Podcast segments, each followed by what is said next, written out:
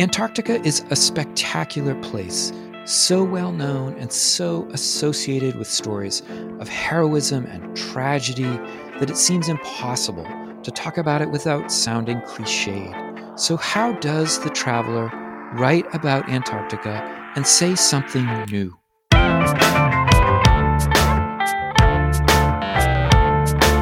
It's time to eat the dogs. I'm Michael Robinson.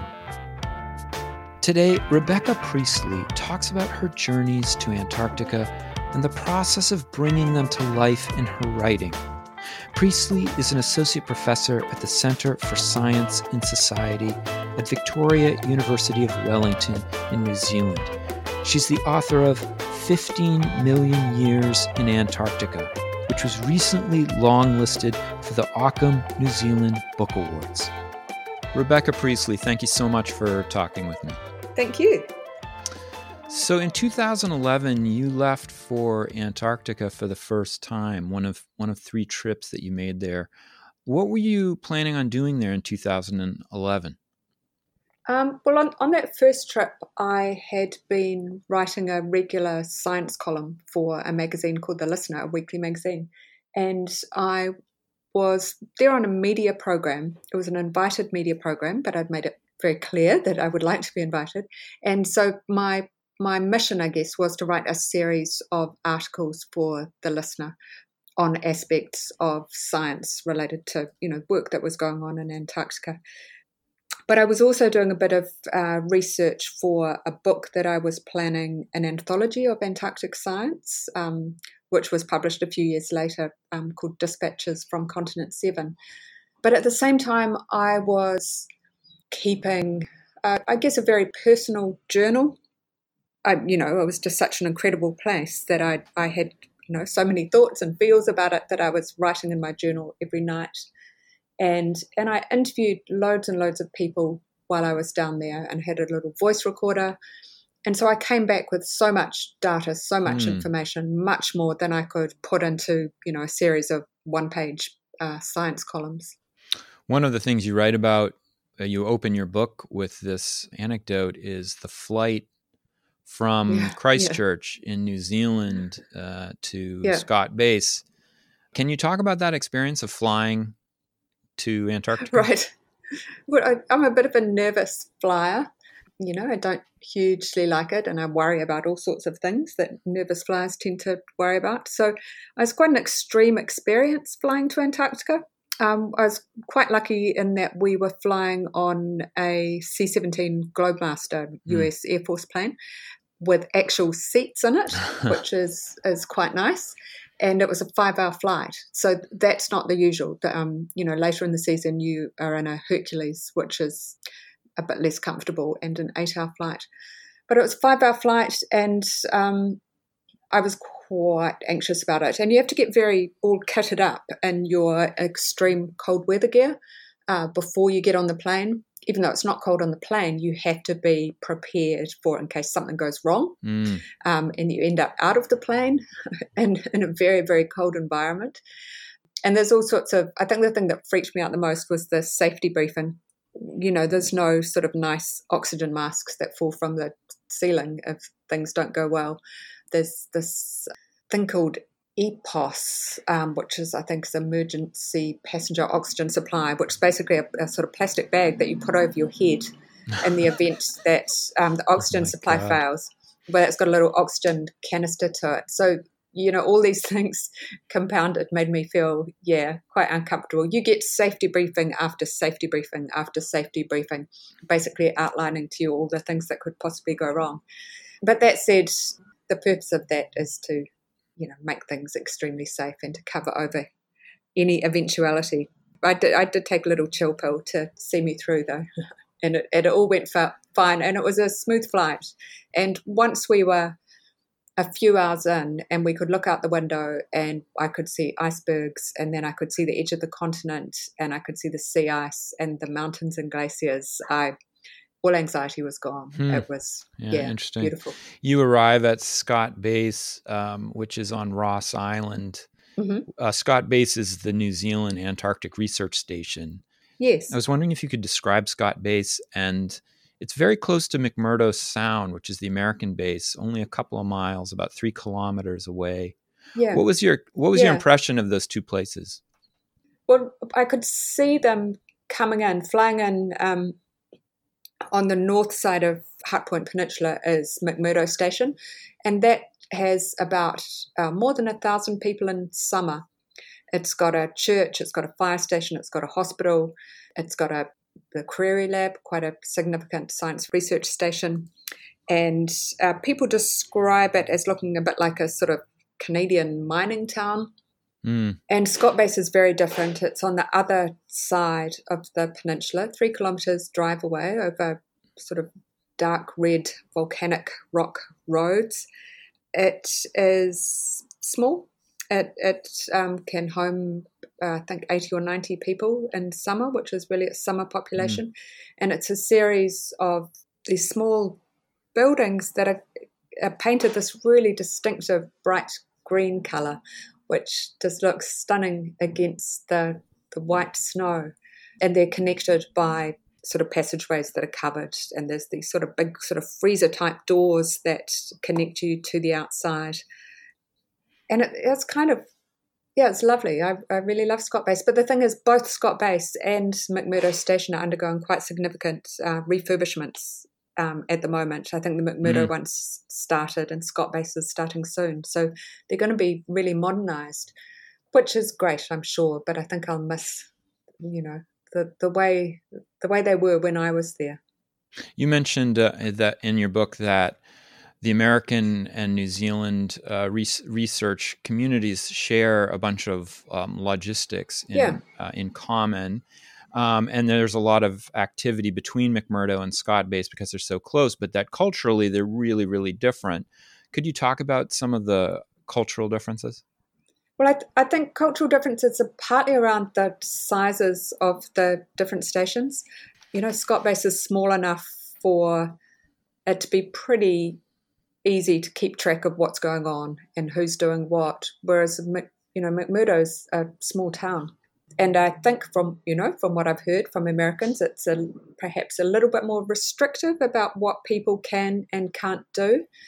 I think also the New Zealand station is is run by Antarctica New Zealand, which a government agency related to the um, Ministry of Foreign Affairs and Trade, whereas Mm. the um, McMurdo station, the National Science Foundation, is running the science, but there's a private company who's looking after the day to day operations. So a little bit different in the way that things are run. Both stations have military involvement as well, uh, but the military is only involved in sort of transport and logistics. Yeah, I was thinking about you mentioned that your first impression of the of Mm. Scott Base is that everyone's really polite, yeah. and then you're judging this beauty, con- this strange beauty contest. I Miss think Ross at the Island. bar Yeah. yeah. at uh, Ross Island, and and these Americans roll in, and they are definitely not polite.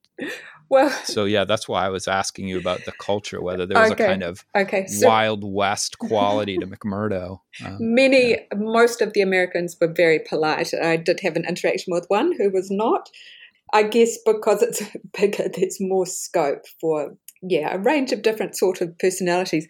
But another another big difference is that um, McMurdo's got three bars, which for Mm. the New Zealanders, we've just got one bar at Scott Base, which is kind of like an extension of your home living room.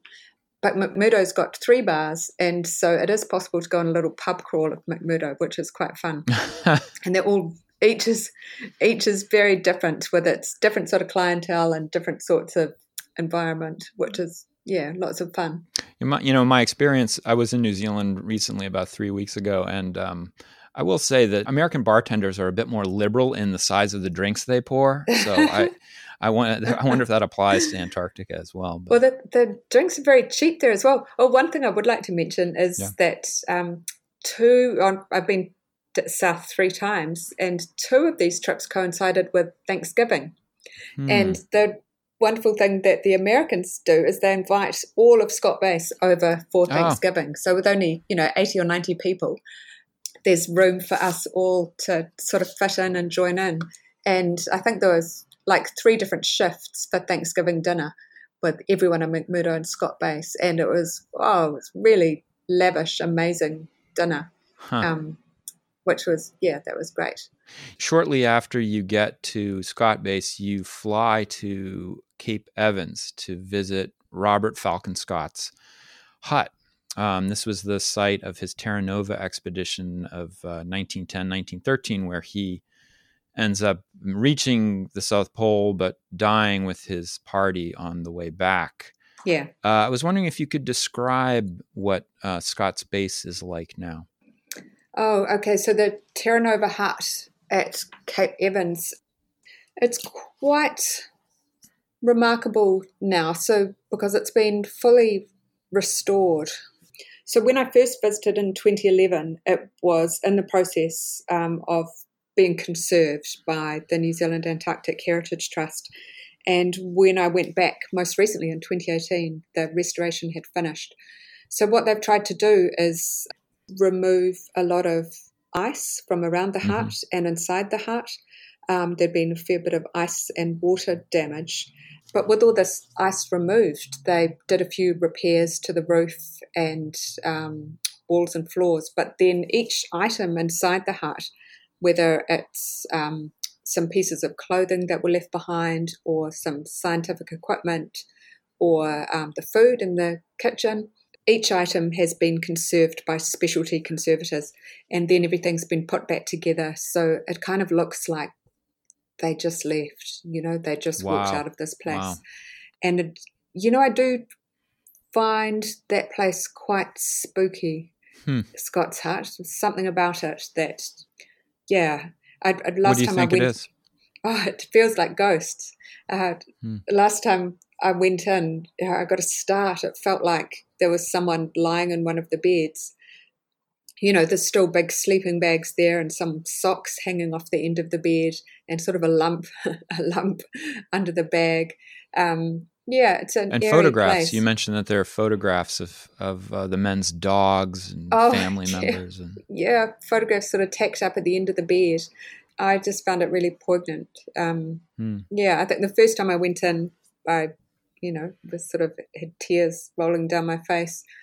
Hmm. But the most recent time, yeah, it just gives me a feeling of unease. I'm not sure quite what it's about because Shackleton's hut has a completely different feel. It's it's sort of brighter and um, cheerier.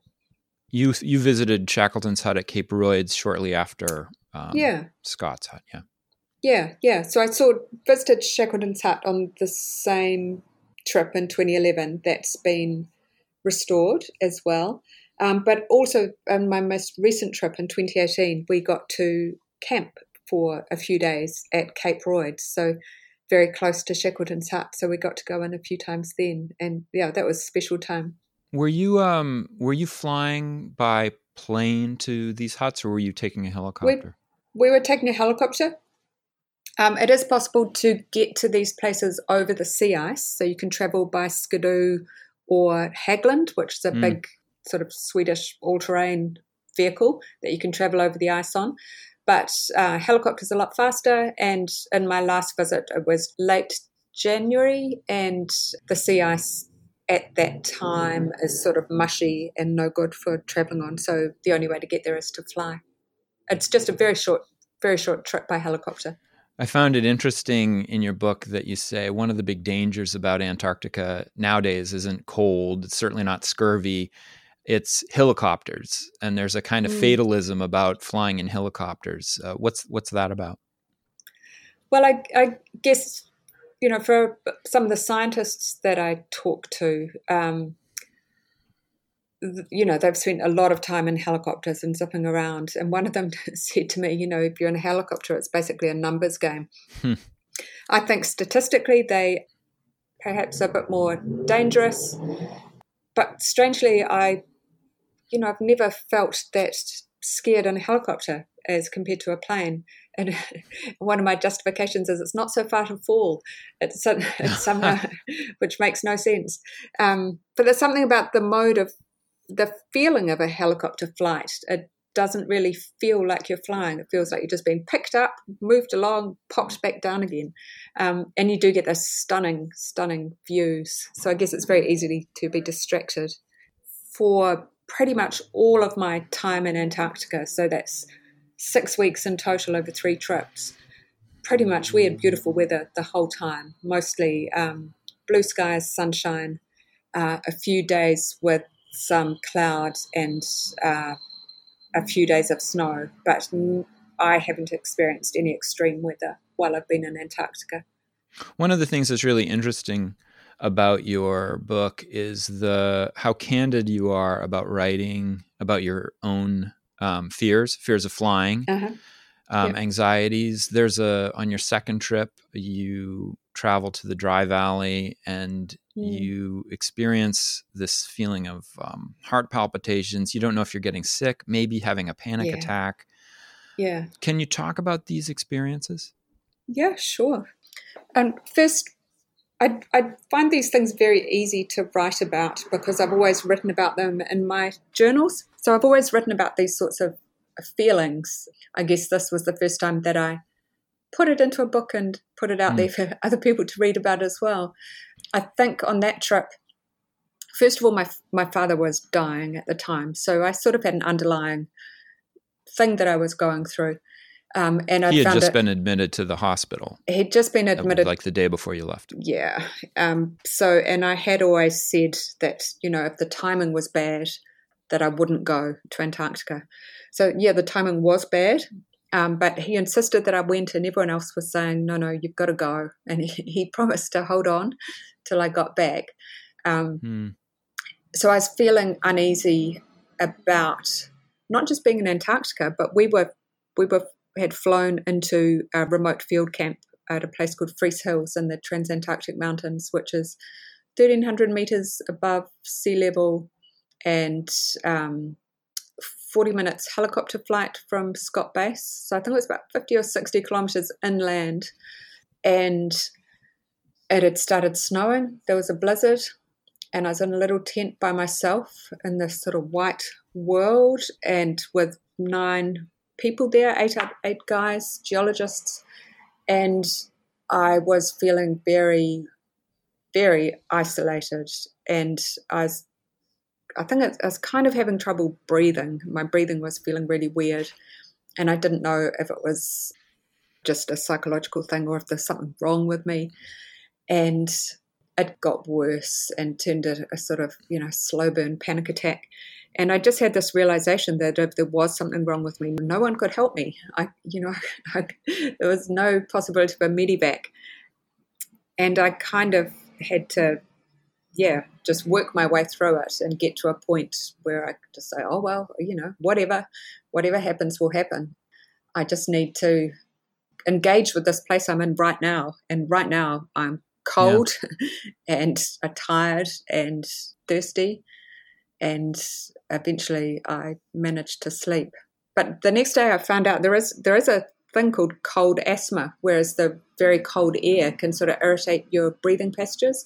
So I think I did have something physical going on, which then you know turned into something psychological and you know bit of a bit of a feedback loop there.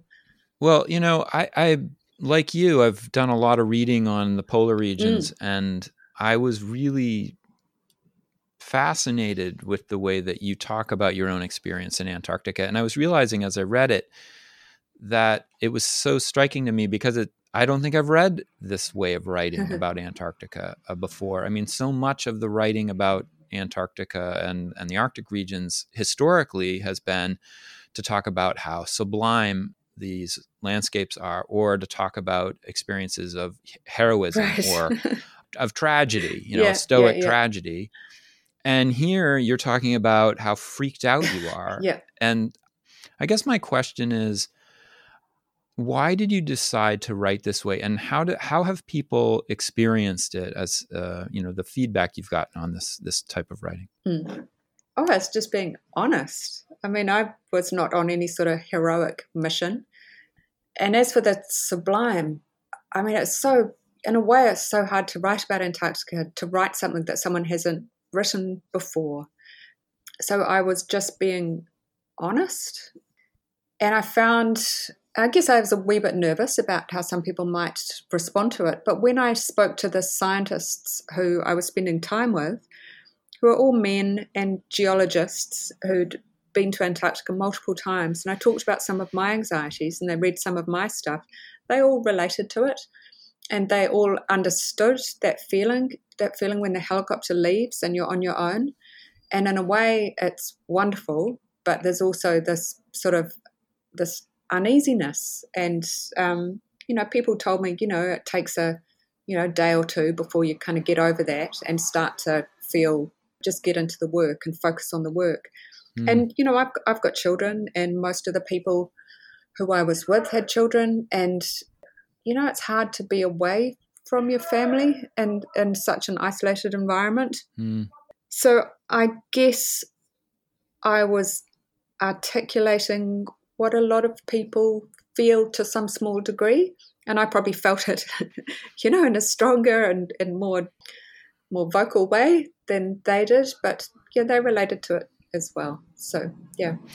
I, I've had this experience in some of my travels where I feel that, you know, I'm a historian of exploration. And so when I go to these places, I should be fully in the moment trying mm, to experience mm. it as much as I possibly can. Yeah.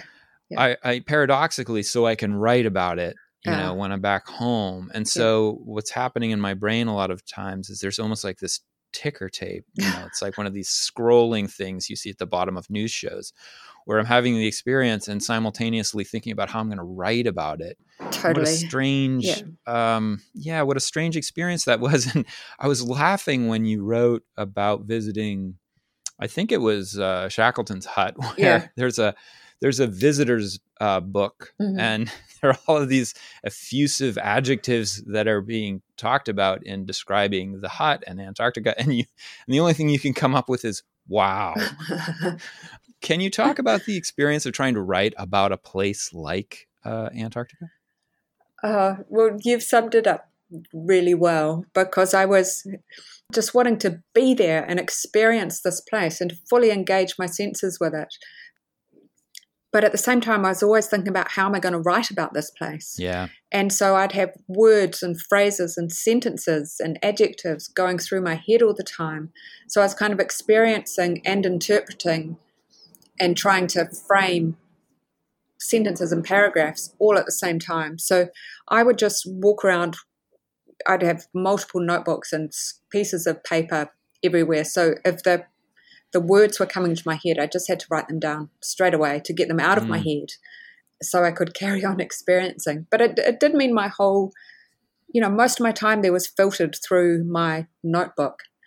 And sometimes I did try and just be there without a pen in my hand, just to try and give myself that little bit of time to myself.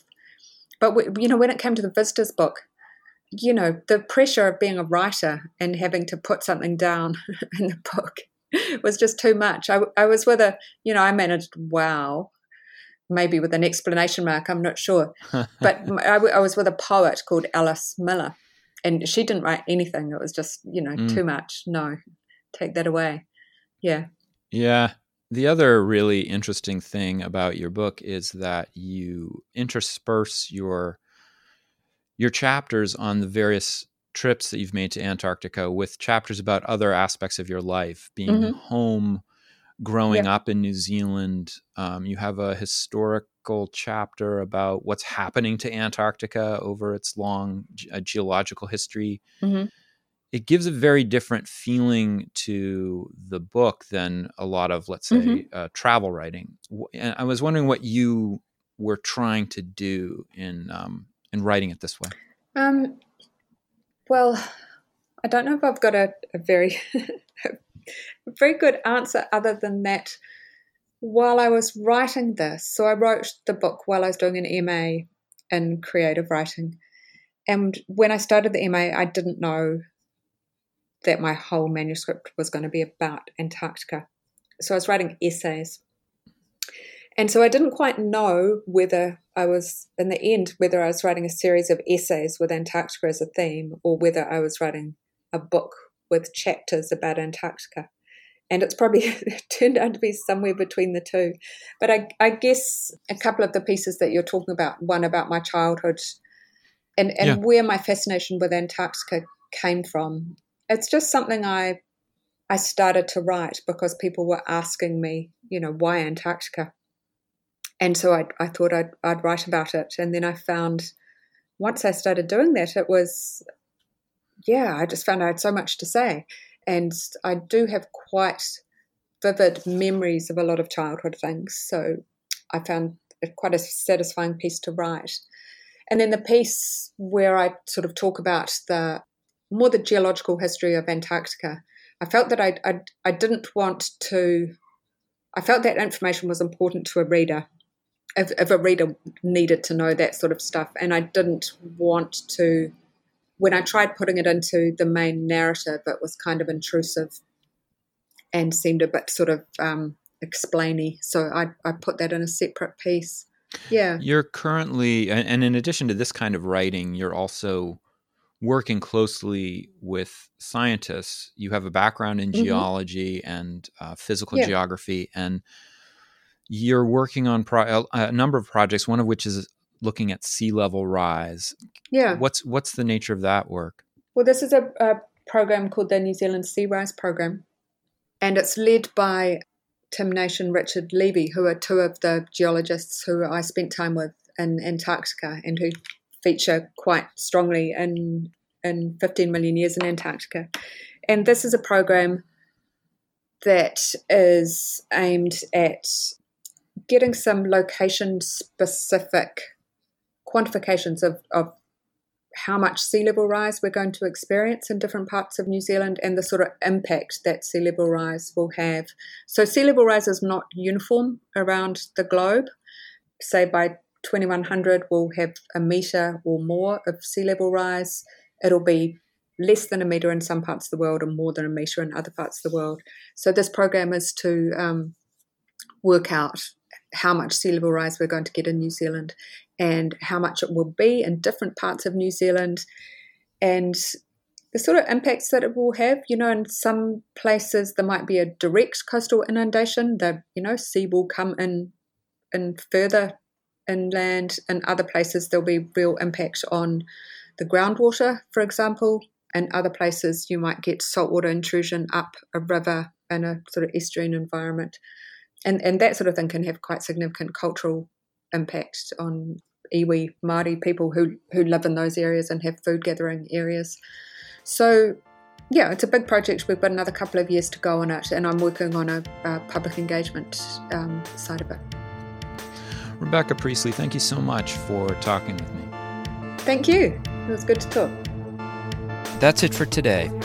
The music was composed by Zabrat. Make sure you check out the Time to Eat the Dogs website podcast links and other exploration related stuff. And if you get the chance, please take a minute to rate and review the show wherever you get your podcasts. It really helps make the show visible to new listeners. And if you want to recommend a guest or make a comment, feel free to contact me at time to eat the dogs, that's one word, lowercase, at gmail.com. See you next week.